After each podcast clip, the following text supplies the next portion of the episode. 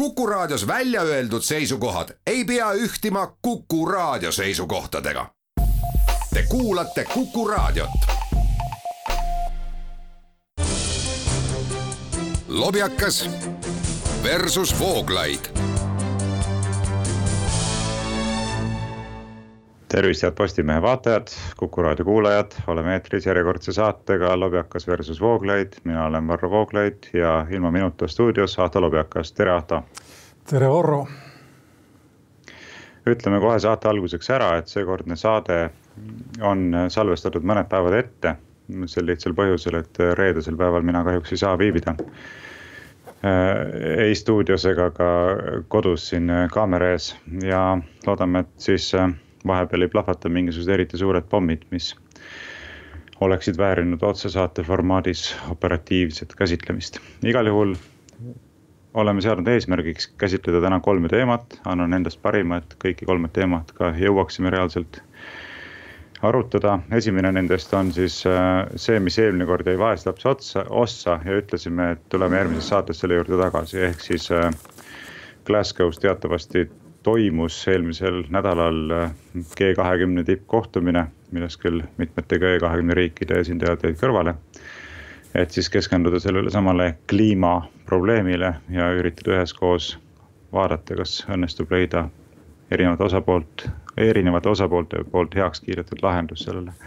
teiseks vaatame praeguseks väga teravaks muutunud äh, kriisi Valgevene ja Poola piiril, kuhu on koondunud siis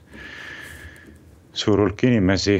kes on sisuliselt jäänud poliitilistes mängudes sellise instrumendi rolli ja, ja mitte kõige meeldivamasse rolli, kui pehmelt väljendada, väljenduda. ja kolmandaks vaatame siis küsimust sellest, et kas praegune valitsus peaks tagasi astuma, pidades silmas nii riigikontrolli kriitikat selle koroonakriisi haldamisele kui ka mitmelt poolt mujalt laekunud ja üha teravamaks muutuvat kriitikat, et kui me ka selle küsimuse arutamiseni väga põhjalikult ei jõua, siis pole hullu, sest nendel teemadel räägime niikuinii enam-vähem iga nädal. aga läheme siis esimese teema juurde, ehk siis seesama G kahekümne tippkohtumine Glasgow's. no ma ei mäletagi nüüd täpselt, kus me eelmisel nädalal pooleli jäime. ja kohe tuleme sisuliste küsimuste juurde ka, aga võib-olla lihtsalt diskussiooni avamiseks ma viskan õhku tõsiasja, et kohtumiselt jäid kõrvale nii Venemaa kui ka Hiina. mis tegelikult muudab ju juba puhtalt selle fakti pinnalt kohtumise läbikukkunuks ilmselgelt, sellepärast et äh, Venemaa ja Hiina on ühed maailma kõige suurematest tööstusriikidest. üht ja kui nemad ei ole kaasas selle plaaniga, mida plaanitakse ette võtta nii-öelda kliima päästmiseks, siis äh, äh, siis ei ole sel plaanil ju tegelikult mitte mingisugust sisu ega perspektiivi või kuidas? kui ma nüüd õigesti aru saan ja nagu öeldakse, ärge tsiteerige mind, aga see on pikk üritus kaks nädalat kestab ta seal Glasgow's ÜRO COP kakskümmend kuus, eks. ja see summit'i osa oli eelmisel nädalal ja seal Hiinat ja Venemaad ei olnud ja see on rohkem sellise poliitilise võib-olla noh, meelestatuse näitamine, kuigi ka ilmselt näidatakse erinevaid asju. aga nagu ma aru saan, siis nendes järgnenud tasa, järgnenud etappides, eri tasanditel, töögruppides ja nii edasi, eks, millega see COP kakskümmend kuus nüüd on tegelenud siin nädala ja veidikene rohkemgi, et selles osalevad nii Venemaa kui Hiina delegatsioonid, keegi iseenesest kogu sellest protsessist ennast isoleerinud ei ole. ja miks ma seda tean ja miks mulle see silma jäi, on tulenevalt asjaolust, et Prantsuse ajakirjandus märgib ära fakti, oli vist veel see Deutsche Welle, vabandust, ma võin nüüd eksida, igal juhul märkis keegi eile ära fakti, et äh, fossiilkütustega tegelevad lobistid või lobistajad ületavad Glasgow's oma arvukuselt, mis on viissada kopikatega, kõige, vist kõige suurema delegatsiooni või suurema osa delegatsioonide arvukuse, kaasa arvatud Brasiilia. aga kindlasti nende delegatsioonide arvukuse, mis siis seovad neid riike, mis kõige rohkem äh, kliimamuutuse käes juba kannatavad, no need väiksed saareriigid ja nii edasi. ühesõnaga kohutavalt palju on fossiilkütustega tegelevate firmade lobiste ning need lobistid on siis seal läbi Hiina, Venemaa ma ei tea, veel Brasiilia ja veel mõne riigi delegatsiooni peamiselt, kellel on siis suured energiafirmad ja see on iseenesest absurdne situatsioon, nagu mainis seal keegi äh, looduskaitsjatest, tähendaks see ju sama, kui saata äh, tubaka või ütleme, suitsetamise kahjulikkusega tegelevale kongressile siis ma ei tea, lobistid, kes on tubakafirmade esindajad, eks. ühesõnaga, see võib-olla sul otseselt, sinu, sinu küsimusele otseselt ei vasta, aga kõik on üldiselt, kõik on kohal. Aga mis seal toimub, on tihti üsna äraspidine, ütleme niimoodi mm. -hmm no ja äh, igal juhul see sõnum, mis on saadetud avalikkusele läbi selle, et Venemaa ja Hiina ei ole oma poliitilise tippjuhtkonna tasandil esindatud, on eks väga selge. Ja milles see sõnum seisneb, see seisneb selles, et äh, nad ei ole huvitatud äh, selle plaaniga kaasa tulemisest. mõlemad on küll saatnud välja sõnumeid, et nad põhimõtteliselt tunnistavad ju probleemi olemasolu ja üritavad sellega tegeleda, püüdes leida lahendusi omal moel aga selle globaalse lähenemisega, nagu näha, nad sellisel viisil vähemalt seonduda ei soovi. mis jätab õhku siis küsimuse sellest, et noh, milline perspektiiv sellel on, kui USA ja, või kui Hiina ja Venemaa tegelikult ei ole kaasas, kui meie näiteks läheme kaasa selle plaaniga ja ma tean, mida sa sellele juba vastad, eks ole, et me peame tegema seda, mis on õige, sõltumata sellest, mida teised teevad, aga, aga ikkagi ka praktiline küsimus tekib, et kui meie näiteks läheme kaasa ja paljud väiksemad riigid lähevad kaasa, panevad kinni oma näiteks põlevkivi tootmise ja muud sellised asjad samal ajal kui Hiina avab muudkui uusi elektrijaamu, näiteks põlevkivipõhiselt, nii edasi, et siis. Siis lõpuks meil küsimus ikkagi tekib, et millega me siin kokkuvõttes ikkagi tegeleme, et kas me tegeleme reaalselt kliimaprobleemi lahendamisega või tegeleme mingisuguste poliitiliste mängudega, mille kaudu lihtsalt jagatakse maailmas poliitilist võimu ümber, jagatakse rikkust ümber ja millel on võitjad ja kaotajad ja kelle hulka siis meie lõppude lõpuks siis kuulume. kui sa ütled meie, siis ma väga loodan, et sa siin teadlikult või teadmatult ei edenda mingeid teesi sellest, et meil võiks olla nagu topeltmoraal. siis loomulikult inimesena me kõik peame käituma nii, nagu on õige, eks vastasel juhul ma ei tea, oleks võimatu ka kristlus ju, eks. kui, kui kõik oleks läinud kaasa Pontius Pilatusega, siis ei oleks meil täna ristiusku, ikka oli neid, kes, kes enda põhimõtete eest seisid ja neile kindlaks jäid. ja ma arvan, mina arvan, nagu sa siin märkisid ja ma ei ole seda arvamust muutnud, et ka riigid peaksid niimoodi käituma, sest kui riigid niimoodi ei käitu, siis noh, ütleme niimoodi, mis on nende olemasolu moraalne point ja kui seda moraalset pointi ei ole, siis kas neid üldse vaja on? Ja mul on Eesti puhul tihti olnud tunne, et me saaksime paremini hakkama või moraalsemalt või eetilisemalt hakkama inimestena, kui me oleksime Soome mingi lõunaprovints näiteks, eks. Äh, nii et, et ma ei ole päris kindel, milline on sinu seisukoht selles küsimuses, küll aga ma arvan, et Eesti peaks tegema maksimumi, äh, mis tema võimuses on mõistlikult et teha neid asju, mis on vajalikud maailma päästmiseks. loomulikult sul on õigus, kui juba näiteks India ütleb, et nemad saavad süsinikuneutraalseks aastal kaks tuhat seitsekümmend, siis no ma sind ei tea, aga mina seda aastaarvu kindlasti ei näe ja mul on kuri tunne, et need India delegatsiooni juhid ka ei näe, kes seda lubasid, eks. ja India on maailma üks suurimaid riike, Hiina vähemalt on öelnud, et ta ei osale enam või ei finantseeri enam äh, kivisöe äh, elektrijaamade ehitamist välismaal või väli, väljaspool äh, oma territooriumi ja see oleks juba suur samm edasi. aga mul on, mulle isiklikult ja seda mainisin ma ka eelmises saates, mulle isiklikult tundub, et siin on selline süsteemi fail. tunnustame ära Eesti, India ja minu pärast kogu ülejäänud maailma, aga kui me keskendume ka suurtele demokraatlikele riikidele, kus nagu võiks eeldada, et see, mida see, mis on oluline ja see, mida suudetakse ka seletada kodanikele, et see on oluline, et siis valija ka vastavalt käitub või võtab vastutuse, aga mida me näeme, on see, et isegi demokraatia tingimustes valija ei võta vastutust, ta on ka ühtlasi tarbija, ta maksab neid praeguseid kõrgeid elektri, elektrihindu, mõtleb, et pagana rohepööre, eks, miks ma nüüd siin pean kannatama, mul niigi toitu vähe, mis iganes. ja see tarbija siis valijana teeb otsuseid, otsuseid, mis on inspireeritud tema enese nagu noh mättast või heaolust või mis iganes, ta on lühinägelik. ja meil on olukord, kus äh, kunagi Jürgen Habermas ja teised siin möödunud sajandi lõpul kirjutasid pikki traktaate sellest, kuidas rahvusvaheline kapitalism või globaalne kapitalism sööb ära demokraatia ehk siis suurkorporatsioonid lihtsalt noh, istuvad riikidele pähe ja teevad oma majandusliku või rahalise jõuga, mida tahavad, aga mis on juhtunud, ei ole tingimata see, et korporatsioonid meile pähe istuvad, kui me muidugi ei loe nüüd siia Facebooki ja Google'it, aga see on teine teema. aga mis on või juhtunud? Pfizerit. või Pfizer, okei okay,, Pfizerit, aga mis on juhtunud, on see, et mis sööb ära demokraatia, on lihtsalt heaolu valija, inimese, tarbija äraharjumine hea eluga, millest ta enam loobuda ei taha. ja nii leiad sa vaevalt ühe riigi, kus inimesed oleksid nõus nagu üks mees või üks, üks naine tõusma püsti ja ütlema, voh, meie ohverdame ennast maailma heaolu nimel, maailma tuleviku nimel, vabandust. sihukest asja enam ei ole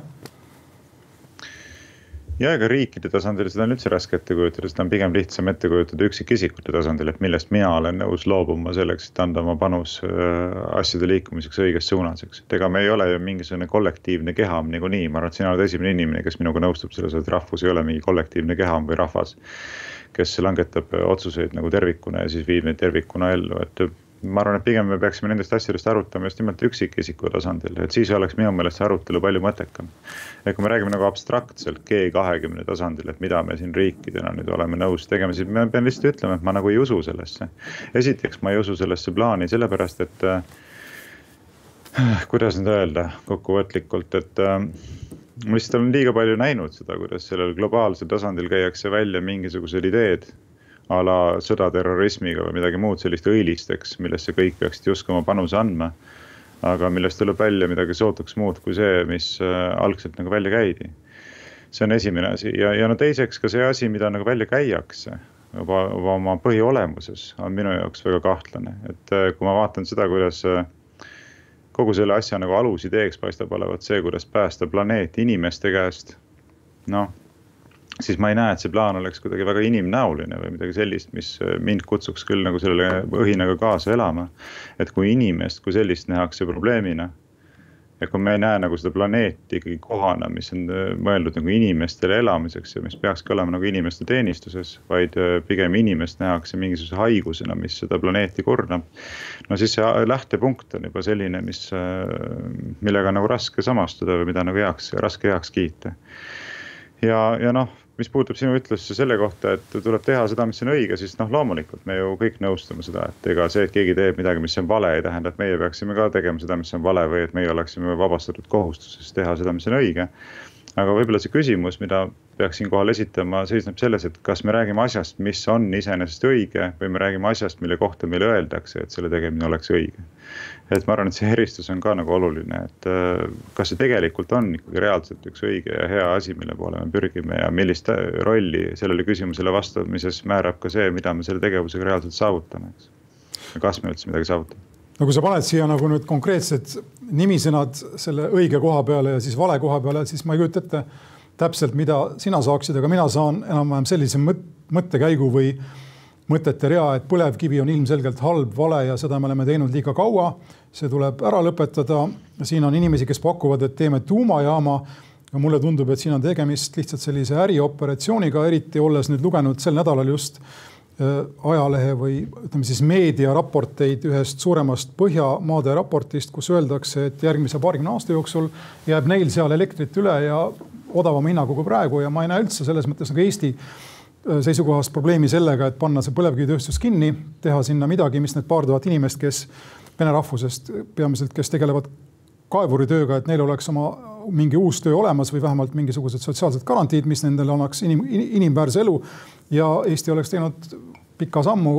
selle suunas, et, et me teeme õiget asja. muidugi nüüd tulles tagasi natukene võib-olla groteskselt, aga ma ei saa endale seda keelata, sorry, selle mõtte juurde, et me oleme siin nagu mingi haigus. kui niimoodi seda asja võtta, siis on sihuke mees nagu Lovelock, kes on pikka aega ajanud Gaia teooria äh, nagu mõtet või ed edendanud seda teooriat, et maa või maakera või mis iganes ta on siis ökosfäär või on nagu üks selline noh, ütleme siis teadlik või teadvuslik sentientne peaaegu organism või tervik ja on läbi ajast, läbi ajastute siis kriisidega nagu tegelenud sellisel teatud mõttes globaalsel moel. ja noh, tema mõttekäikude kohaselt ei oleks ju üldse võimatu mõelda, et kuna inimene on teinud või viinud asja nii kaugele, et maailma ähvardab siin noh, paljude liikide kadu ja nii edasi, eks ökotsiid. et äh, iseenesest siis see koroonaviirus kujutaks endast mingisugust, kas nüüd deus ex machinat, aga, aga sellist tasakaalustavat liigutust mingisuguse su suurema su, suurema teadvuse poolt võib-olla. üritades meid natukene siis tagasi tõmmata, eks. no kes teab, muidugi see iseenesest ja ma ei läheks loomulikult nii kaugele, aga iseenesest see on täitsa võimalik, et kui sa väga lugupidamatult käitud selle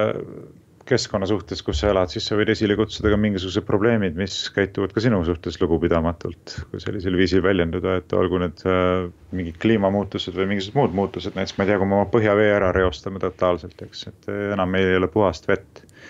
noh, siis me hakkame ise seda vett sisse joodes, juues kannatama mingisuguste uute probleemide all, mis teatud mõttes on võimalik ka ju.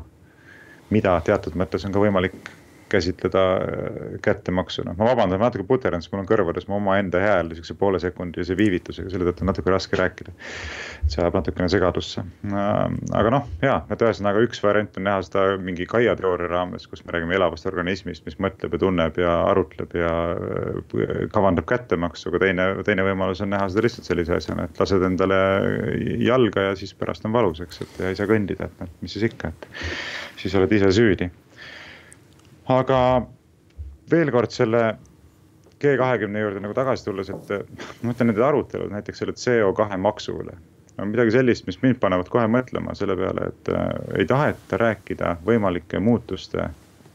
või võimalike probleemide põhjusest nende juurtasandil. ja, ja see on see, mis mind nagu väga mõtlema paneb, ma näitan sulle korraks, et ma tegin just sinna sihtasutuse perekonna traditsiooni kaitseks uue kalendri selleks aastaks, ma hea meelega annan sulle selle. ja see räägib sellisel teemal nagu inimnäolise majanduse alustest, et on üks saksa ökonomist, kes elas küll Inglismaal pikki aastaid, Fritz äh, äh, Schumacher. Äh,. Ernst, vabandust, Ernst Friedrich Schumacher on ta nimi, EF Schumacher. Ja tema rääkis, tema on kirjutanud sellise kuulsa teose nagu Small is beautiful, ma ei tea, võib-olla oled kuulnud sellest ja ta ka kritiseeris nii kapitalismi kui ka, kui ka sotsialismi ja kommunismi just nimelt sellepärast, et et kõigi, kõigi ühiseks äh, probleemiks on gigantluse ihalus. ehk siis soov pürgida pideva kasvamise poole, pigem pidevalt suurema majanduse saavutamise poole, pidevalt suurema tootmise saavutamise poole ja nii edasi. ta ütles, et see kõik lähtub väärast eeldusest, et me peame pürgima nagu gigantluse poole. sest see gigantlus, eks, kätkeb endas ka väga tõsiseid, mitte ainult intellektuaalseid probleeme intellektuaalseks probleemiks, eks teatavasti on äh, fundamentaalselt muuhulgas see, et ütleme, piiratud ressurssidega süsteemis ei ole võimalik pürgida piiramatu kasvu poole. vaid ka moraalseid probleeme selles mõttes, et, äh, et inimesed ei taha endale tunnistada, et äh, kui me tahame seda planeeti säästa, kui me tahame seda loodust hoida tulevastele põlvedele, siis me peame ka tegema mingisuguse moraalse valiku ja ütleme, et me oleme valmis ennast ohjeldama ja ennast piirama, et me ei ürita võtta kõike, mida võtta annab, eks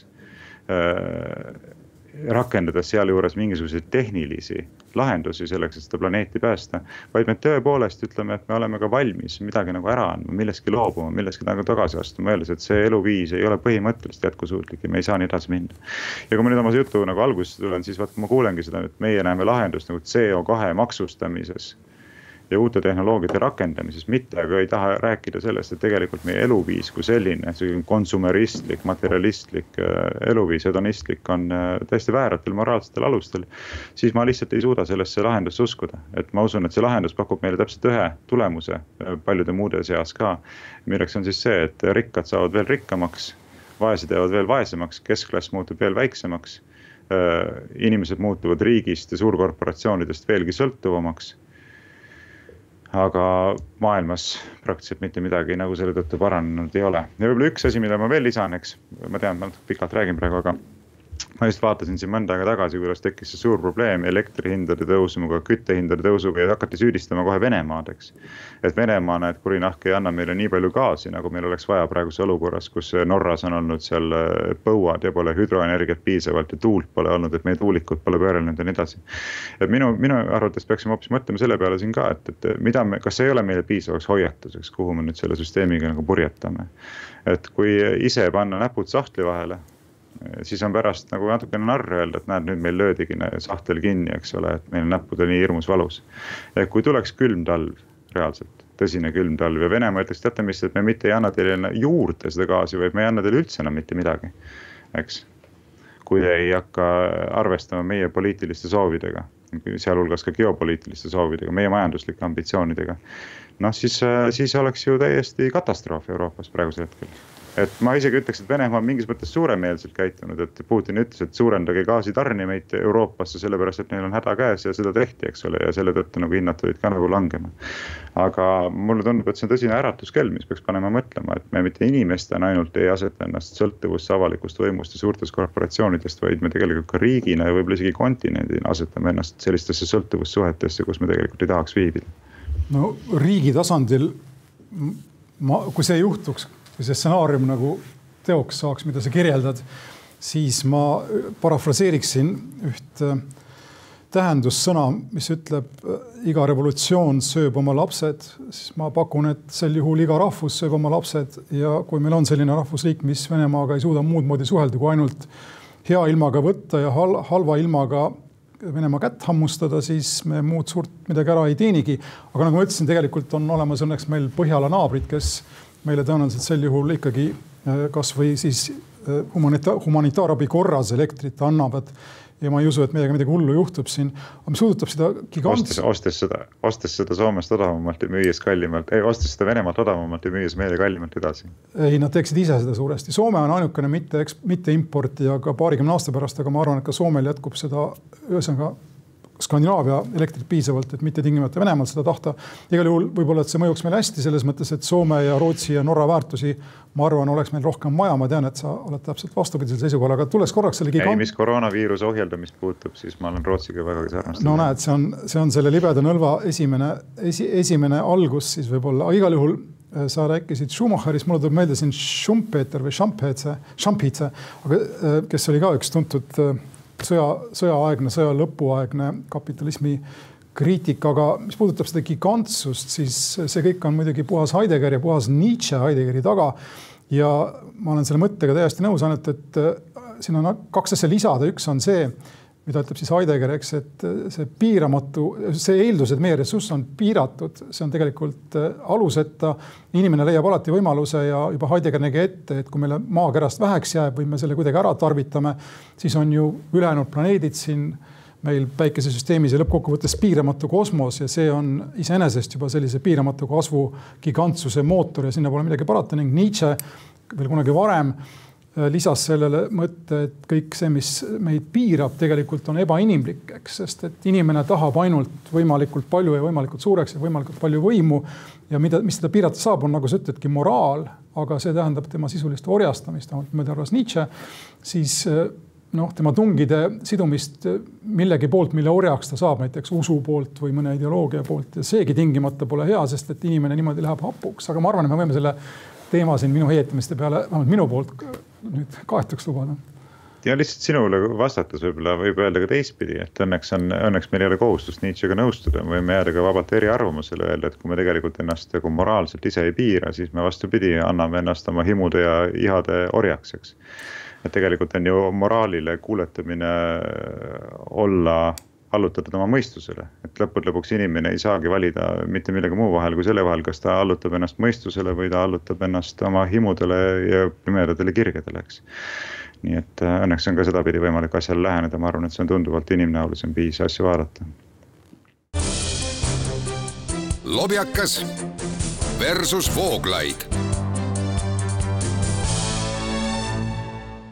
nii, ehk siis nüüd teine teema tõepoolest Poola ja Leedu piiril on kujunenud inimlikust vaatevinklist, isegi kui me jätame kõik poliitilised vaatevinklid kõrvale, väga keeruline olukord, väga näotu olukord, jällegi kui pehmelt väljendada.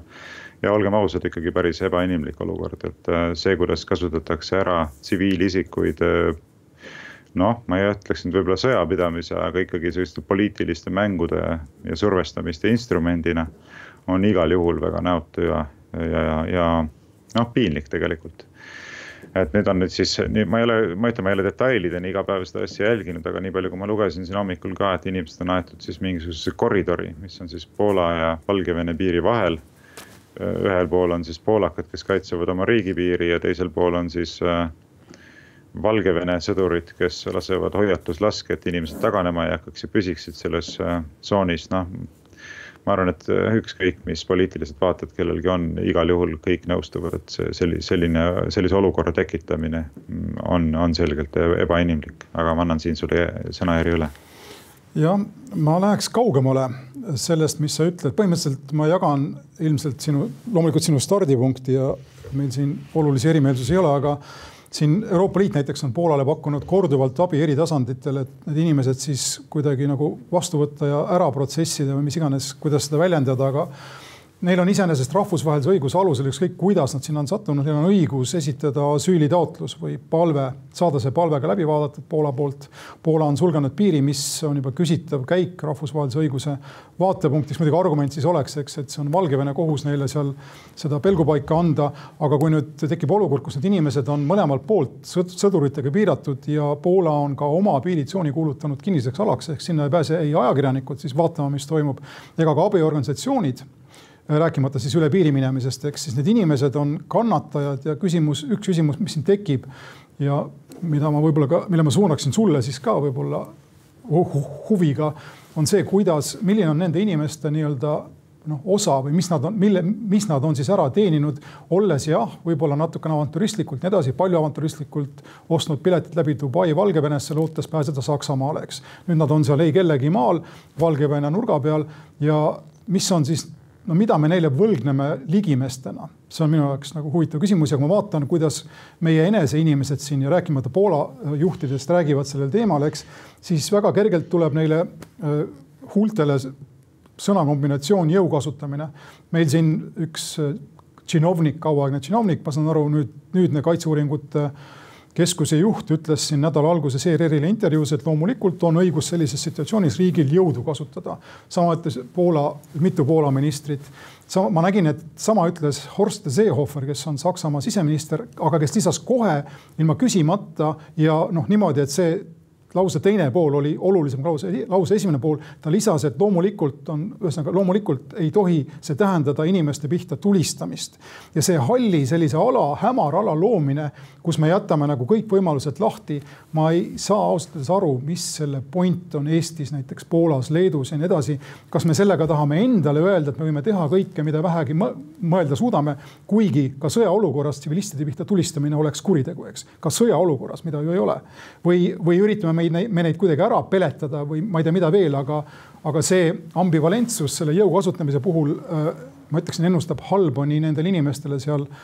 Valgevene nurga peal kui ka meie enda tulevikule siin Ida-Euroopas. No eks see on tõesti inimlikult väga keeruline olukord, ega minul ei ole ka mingisuguseid valmis vastuseid, mida sulle, mida sulle siin välja käia, et ma ei tea, kuidas seda olukorda ausalt öeldes lahendada, et see on äh, meeletu mastaabiga sigadus, mis on tehtud äh, Valgevene poole pealt, see on selge kasutades ära tsiviilisikuid põhimõtteliselt relvana teiste riikide ründamiseks. ja pannes teised riigid sellisesse olukorda, kus nad tegelikult ei saa teostada ka enesekaitset, sellepärast et äh, sellega nad astuksid üle humaansuse piiride, eks. ma arvan, et sama hästi Poola ja kõik mõistavad seda, et tegemist on äärmiselt keerulise olukorraga aga samal ajal muidugi me peame mõistma ka seda, et riikidel on, on õigus oma piire valvata, riikidel on õigus kontrollida seda, kes riiki sisenevad ja millistel tingimustel riikidesse sisenetakse, eks, ja ja selles mõttes on Poolale ka raske etteheiteid teha, et, et kui antaks siin järgi, siis tegelikult ju Valgevene saavutakski selle, mida ta tahab. ja see kindlasti ei jääks siis viimaseks korraks, siis hakkakski selline sõjapidamine pihta, sest et neid inimesi sealt lennukitega kohale tuua, kes näeksid sellest võimalust äh, Euroopa Liitu pääseda, oleks ilmselt äh, võtta vägagi palju, et äh, muudkui aga saada lennukeid väga uusi inimesi tooma ja lükka need jälle samamoodi sinna piiri äärde ritta, eks. tegemist on tegelikult olukorraga, kus pannakse paika ka mingisugune pretsedent, et kuidas see olukord nüüd siis kokkuvõttes ikkagi laheneb. ja mis muidugi muudab nendele inimestele kaasatundmise mõnevõrra keerulisemaks, olgem ausad, on see, et need ei ole inimesed, eks, kes on vahetu sõjalise konflikti eest põgenenud üle oma riigi piiri et saada esimesse kohta, kus saab äh, rahus elada. vaid tegemist on ikkagi inimestega, kes äh, osalevad ikkagi läbimõeldud äh, tahtlikus sellises ebaseaduslikus skeemis, eks. liikudes, kuidas sa saad Iraagist äkki Valgevene, Poola piirile, eks see ei ole nii, et noh, hüppasid kuskile kummipaati ja tead, tuul kandis sind teise randa, eks, ja siin ma nüüd olen, eks. et tegelikult sa oled ikkagi nagu reaalselt võtnud ette sellise teekonna, mis sa tead, et on selgelt ebaseaduslik. ja aga... nüüd sa üritad peale suruda oma, oma soove nagu sellele Poola riigile, kes peaks siis nagu painduma selle ees, et ma ei tea, mis see õige mulle, vastus on. seleta mulle vahelduseks, mis on siin ebaseadusliku inimese käitumises, kes ostab mis iganes piletid Kurdistanist, Iraagis, et jõuda Valgevene piiri äärde. kus see ebaseaduslikkus on aset leidnud? No ebaseaduslikkus seisneb selles, et sa eeldad, et sa pead saama üle Poola piiri, ilma et sa teeksid seda kooskõlas nende seadustega, mille Poola on kehtestanud oma riiki sisenemiseks. aga kas sa ei tunnista ütleme siis ÜRO põgenike õigusi ja staatust puudutavaid konventsioone, mis ütlevad, et piiri peal on inimesel õigus esitada asüülitaotlus ja ka seda ütlevad nad muuseas, et kui inimene on piiri ületanud illegaalselt, siis peab ta esimesel võimalusel ennast võimudele üles andma ning kui ta seda teeb, siis tähendab see de facto ja niimoodi on seda tõlgendatud igal pool seni, et seda illegaalset piiriületust ei sanktsioneerita ehk teda ei karistata selle eest minu arvates käitub Poola siin praegu illegaalselt ja loomulikult Valgevene on ta kahvlisse tõmmanud, aga illegaalsust kui sellist nende inimeste käitumises ei ole ja nende inimeste dehumaniseerimine on seega ka minu arvates no, täiesti õigustamatu, eks nemad tegid, mida nad on siiamaani noh saanud teha parimas lootuses, parimas tahtes. see, et nad on seal selles olukorras, ei ole nende süü otseselt nojah, aga alustame sellest, ma alustame sellest, et ma ütlen, et ma ei ole viimasel ajal eriti nendesse küsimustesse süvenenud ja ma ei mäleta ka oma õpingute ajast, mida need immigratsioonialased rahvusvahelised konventsioonid selliste olukordade kohta ütlesid, nii et ma opereerin siin suhteliselt nagu udus, udus viibides, olgem ausad, ei hakka eitama. aga nii palju, kui ma mäletan, on neil õigus asüülile ikkagi selles riigis, kus nad viibivad. Ja, ja fakt on see, et nad ei viibi praegu ju Poolas, vaid nad viibivad Valgevenes. Neil ei ole mitte mingisugust põhjust Valgevenest põgenedes, Valgevenes ei toimu sõda, eks, ja sa juba viibid riigis, kus ei toimu sõda, eks. nüüd sul on õigus tõesti pöörduda nende konventsioonide kohaselt, nii palju kui ma mäletan, Valgevene võimude poole ja paluda sealt asüüli aga sel hetkel, kui sa hakkad jõuga murdma üle Poola piiri, sellepärast et sulle meeldib see kõrval olev, samamoodi rahus elav riik, rohkem elukeskkonna kui, noh, kui see riik, kus sa juba viibid, siis sa rikud ju reaalset seadust, sest Poola on kehtestanud konkreetsed seadused, mille kohaselt toimub piiriületus, eks. siin sa eksid kahes kohas praegu, kui sa lähed no, Valgevene territooriumi Poola suunas, siis Poola seadusi sa ei saa rikkuda enne, kui sa oled Poola territooriumile jõudnud sa kuidagi. ma ütlengi, aga see, et sa vägivaldselt ületad, jõuga ületad Poola piiri ilma selleks ette nähtud korda äh, arvesse võtmata, see on ju seaduse rikkumine. see oleks, kui nad saaksid piiri ületada, aga praegu nad ei ole veel seadust rikkunud, eks, ja ometi nad kannatavad ja Valgevene on muidugi see, kes seadust rikub sellega, et ajab neid inimesi piiri poole. siin on, ühesõnaga, mida ma üritan öelda, on see, aga mis on... teine, mis mu teine eksimus oli? no see ongi see, et mitte Poola, mitte inimesed ei riku seadust, vaid Valgevene rikub üldse, kui üldse, siis keegi sead- ja Poola rikub seadust, eks. Need inimesed on siin süütud kahe kivi vahel mille, olijad. millega, millega Poola rikub seadust? Poola rikub sellega, et ta ei, ta ei võta nendelt inimestelt vastu piirilt äh, asüülitaotlusi aga ta ei peagi võtma, sest tal on kohustus võtta need vastu siis, kui nad viibivad Poolas. ei, rahvusvahelise, rahvusvahelise öelda, et on Eestil, sama hästi võiks öelda, et Eestil on kohustus on, võtta vastu need asüülitaotlused. piiri peal, aga jumala eest räägi siin äh, Eesti inimõigusjuristidega ja see, kusjuures ma arvan, et välisministeerium kinnitab seda. Äh, me ei, meile see ei meeldi väga, aga rahvusvaheline õigus ütleb seda, et kui inimene jõuab meie piirini, meie piirivalvur ütleb meie piirivalvurile asylum, asüül, siis piirivalvur peab talle vastavalt siis noh, andma võimaluse saada menetletud, eks. riigil on see kohustus, kui ta tahab riik olla ja nüüd tehakse lihtsalt, mis juhtub Valgevene piiril Poolaga, on see, et Poolale tehakse riigiks olemine väga kalliks ja poliitiliselt keeruliseks, kuna loomulikult poolakad parem, parem, paremäärmusliku valitsuse all ei taha immigrante, eks. aga riigi kohustus vähemalt senise rahvusvahelise õiguse alusel on nendele inimestele, kes tulevad piirile, ütlevad, tahavad asüüli, siis on neid menetleda no ma ei hakka sinuga selles osas vaidlema, sul võib täitsa vabalt õigus olla ja, ja minul ei ole positsiooni, kust äh, arvata vastupidist. ma ütlen viimased kaks lauset selle teema kohta enda poolt ja see lihtsalt, äh, see on vastuseks millelegi, mis sa ütlesid varem, see, sa viitasid siin sellisele inimkilb, inimrelva, see termin on inimrelv, eks. ja meil on terroristlik praktika kasutada ja üldse selline noh, ütleme siis halbade režiimide poolt äh, ebainimlike režiimide poolt tarvitatud praktika kasutada inimesi kilpidena, eks siin Saddam Hussein ja nii edasi ja järsku on tekkinud selline fenomen nagu inimrelv oh, oh, oh õudust, nad tulevad meie peale teiste inimestega, eks, kes on relvastamata, kasutavad inimrelva meie vastu. ja ma ütleksin, et see on väga kafkalik, kui sa mõelda selle peale, eks see on väga kafkalik fenomen, väga postsovjetlik Ida-Euroopa fenomen, kus relva, relvastamata inimene, kes ainult tahab Saksamaale minna, on, on sulle noh, nii suur oht, et sa räägid sõjast, hübriidsõjast ja sinuga tõstavad ja ringutavad käsi sinu, sinu kolleegid seal, ma ei tea, Ungarist ja Lätist ja Leedust ja Eestist ja kõik on nagu kõik on nagu mingist kurjast vaimust vaevatud, eks, aga kui te mõtlema hakkate, siis palju hullemaid asju on kui mingi inimrelv, mille Valgevene on suunanud praegu äh, Poola vastu ja kui Poola sellega toime ei tule, siis millega ta üldse toime tuleb? No vaevalt, et küsimus on selles, kas tullakse toime või ei tulda, nende tuhande inimesega kindlasti tullakse toime, aga küsimus on selles, et kui selline praktika muutubki äh, nüüd standardiks, et hakkavadki asjad sellisel viisil käima, siis see võib küll tekitada probleemi, millega ei ole sugugi lihtne enam toime tulla, eks. ja, ja lõppude lõpuks on küsimus ka selles, et kas on tegemist probleemiga, millega me oleme kohustatud nii-öelda toime tulema või millega me tahame nii-öelda toime tulla, eks. et noh, ma ei tea, ma olen ka näiteks äh, valmis äh, suuteline sellega toime tulema, kui näiteks mingisugused inimesed tulevad minu koju minult luba saamata selleks ja tahavad äh, süüa saada. ma ei tea, kolm inimest tuleb iga päev siia, tahavad, et ma neile laua kataks ja toidaks neid, ma saan hakkama sellega jah ja lähen ostan suuremas kogus kartuleid ja, ja, ja muid asju ja eks ma siis toidan nad ära, eks, aga lõppude lõpuks jääb ikkagi küsimus ka sellest, et vabandust, et see on minu kodu ja siia minu koju tulevad inimesed sisse sellisel juhul, kui mina ütlen, et nad võivad siia sisse tulla ja siin minu kodus nad käituvad ka sellistel tingimustel, nagu mina olen kehtestanud, eks. et me ikkagi nagu jõuame lõpuks ringiga tagasi küsimuse juurde sellest, et kas riik on meie ühine kodu milles valitsevad meie kehtestatud reeglid ja keegi teine lihtsalt ei murra siia suvaliselt sisse või, või ta ei ole seda. see on väga ilus mõte ja sellega võikski lõpetada, aga siin on see aspekt juures, et kui me riigina otsustame väljuda rahvusvahelise õiguse raamest, sa pead aru saama, et selle selle mõõga teine tera tähendab siis seda, et keegi ei pea meid respekteerima rahvusvahelise õiguse raames ka, eks, et Venemaa teeb siis sel juhul, mis tahab, sest et meie ei austa rahvusvahelisi reegleid, miks peaks Venemaa meie suhtes austama rahvus, rahvusvahelisi reegleid, tegemist on kahe riigiga, millest üks on gigantne ja teine on piisikene, eks, me peame ettevaatlikud olema olen nõus, aga võib-olla omalt poolt lihtsalt teisele nii palju, et me peame ikkagi paralleelselt pidevalt pöörama tähelepanu ka sellele, et need rahvusvahelise õiguse poolt dikteeritavad normid oleksid mõistlikud, eks. ehk kui nad on selgelt ebamõistlikud, et ega siis see ei tähenda seda, et me peaksime nendega tingimata nõustuma ja mitte nõustudes heitma üle parda rahvusvahelise õiguse kui sellise. aga olgu, siis kolmas teema, nagu ma aru saan, teeme väikese kõlli. lobjakas versus Vooglaid ja kolmandaks teemaks, seekord jätsime ta siirikult lõppu, et ülejäänud teemadele ette nähtud aega ära ei sööks, on siis küsimus sellest, kas äh, praeguseks kujunenud olukorras peaks valitsus tagasi astuma. et üha enamad inimesed on seda küsimust hakanud küsima ja tegelikult olgem ausad, vaadates seda riigikontrolli poolt praeguse valitsuse tegevusele antud hinnangut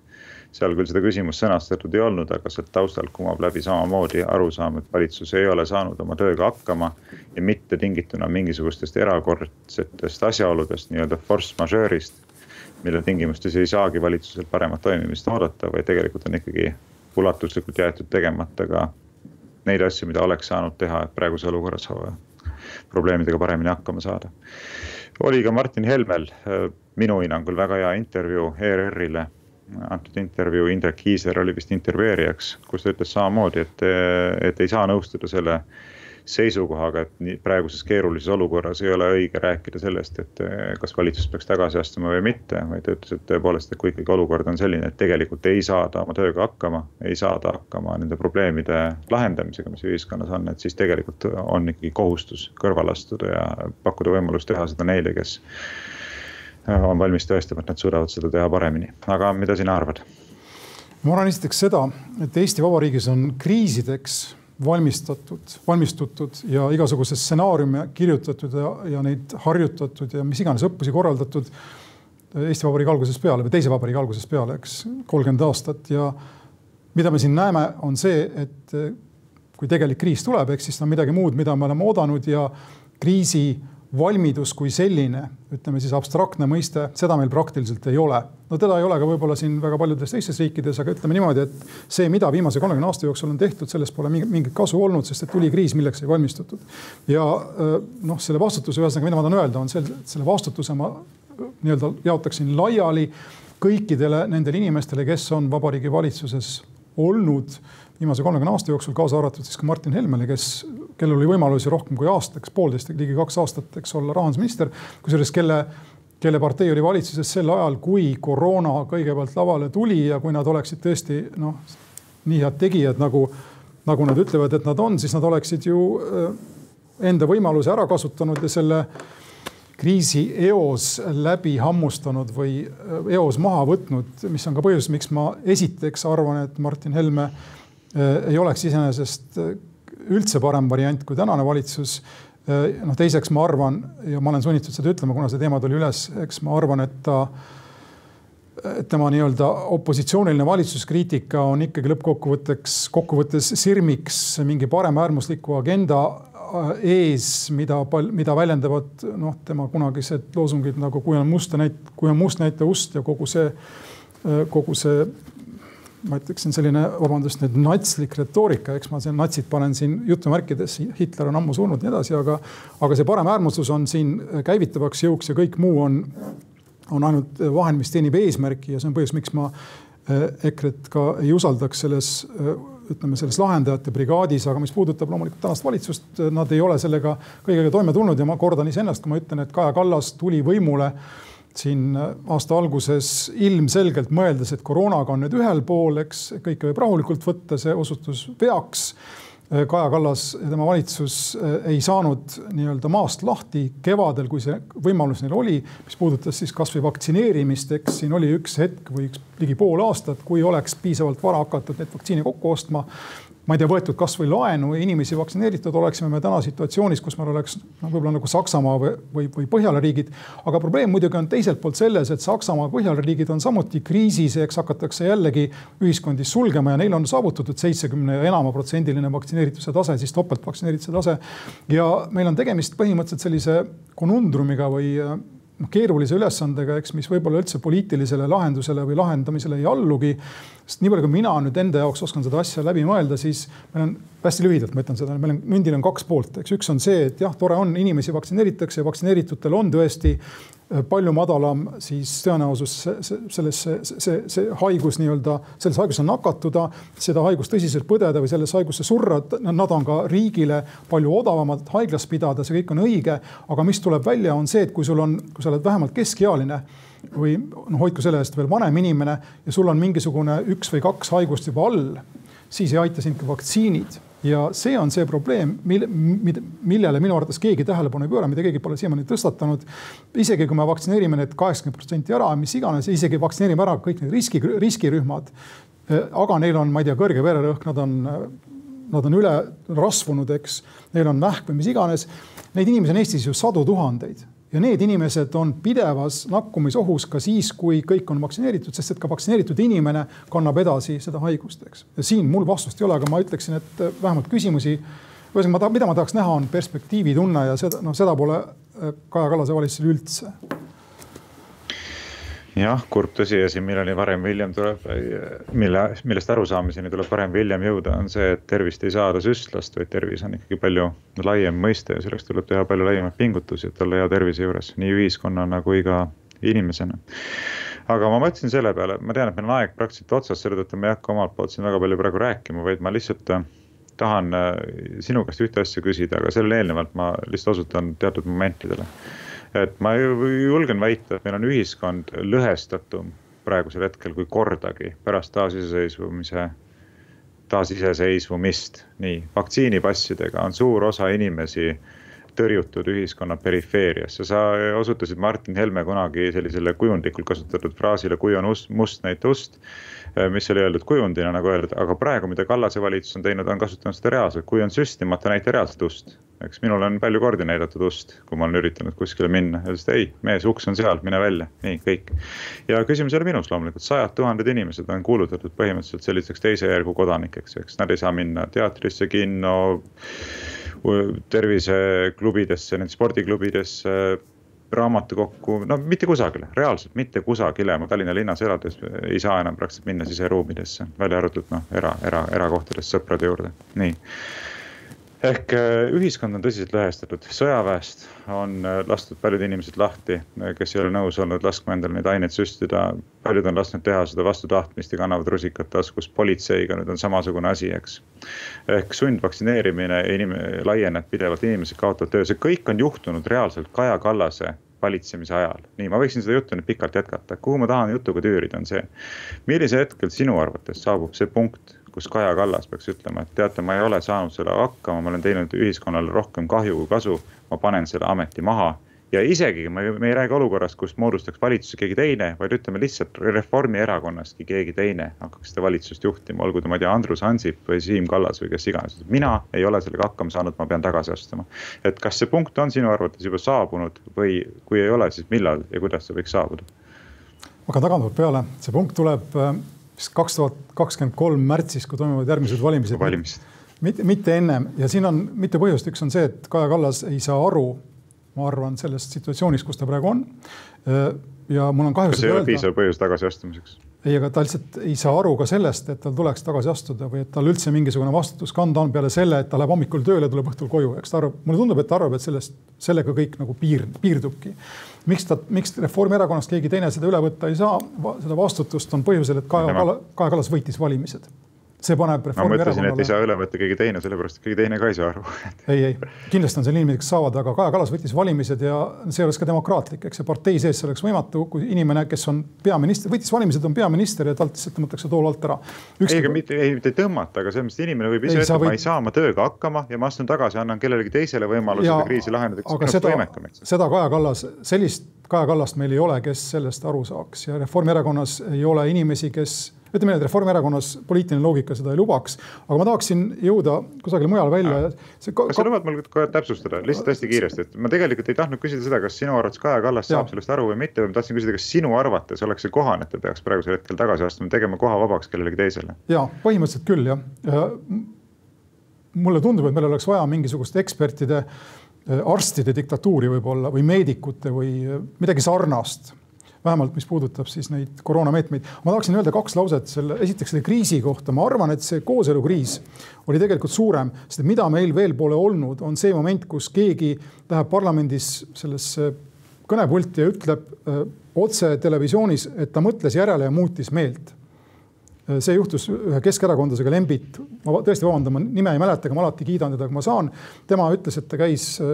suve läbi ringi üle Eesti, vihkab kooseluseadust, aga kõik noored inimesed ütlesid, et see on tore ja ta muutis meelt. kui me selles kriisis siin praegu saa, jõuame nii kaugele, siis on võib-olla tegemist sarnase kriisiga või sarnase suurusega kriisiga. mis puudutab nüüd lõppkokkuvõttes seda tänast olukorda, kus Kaja Kallas on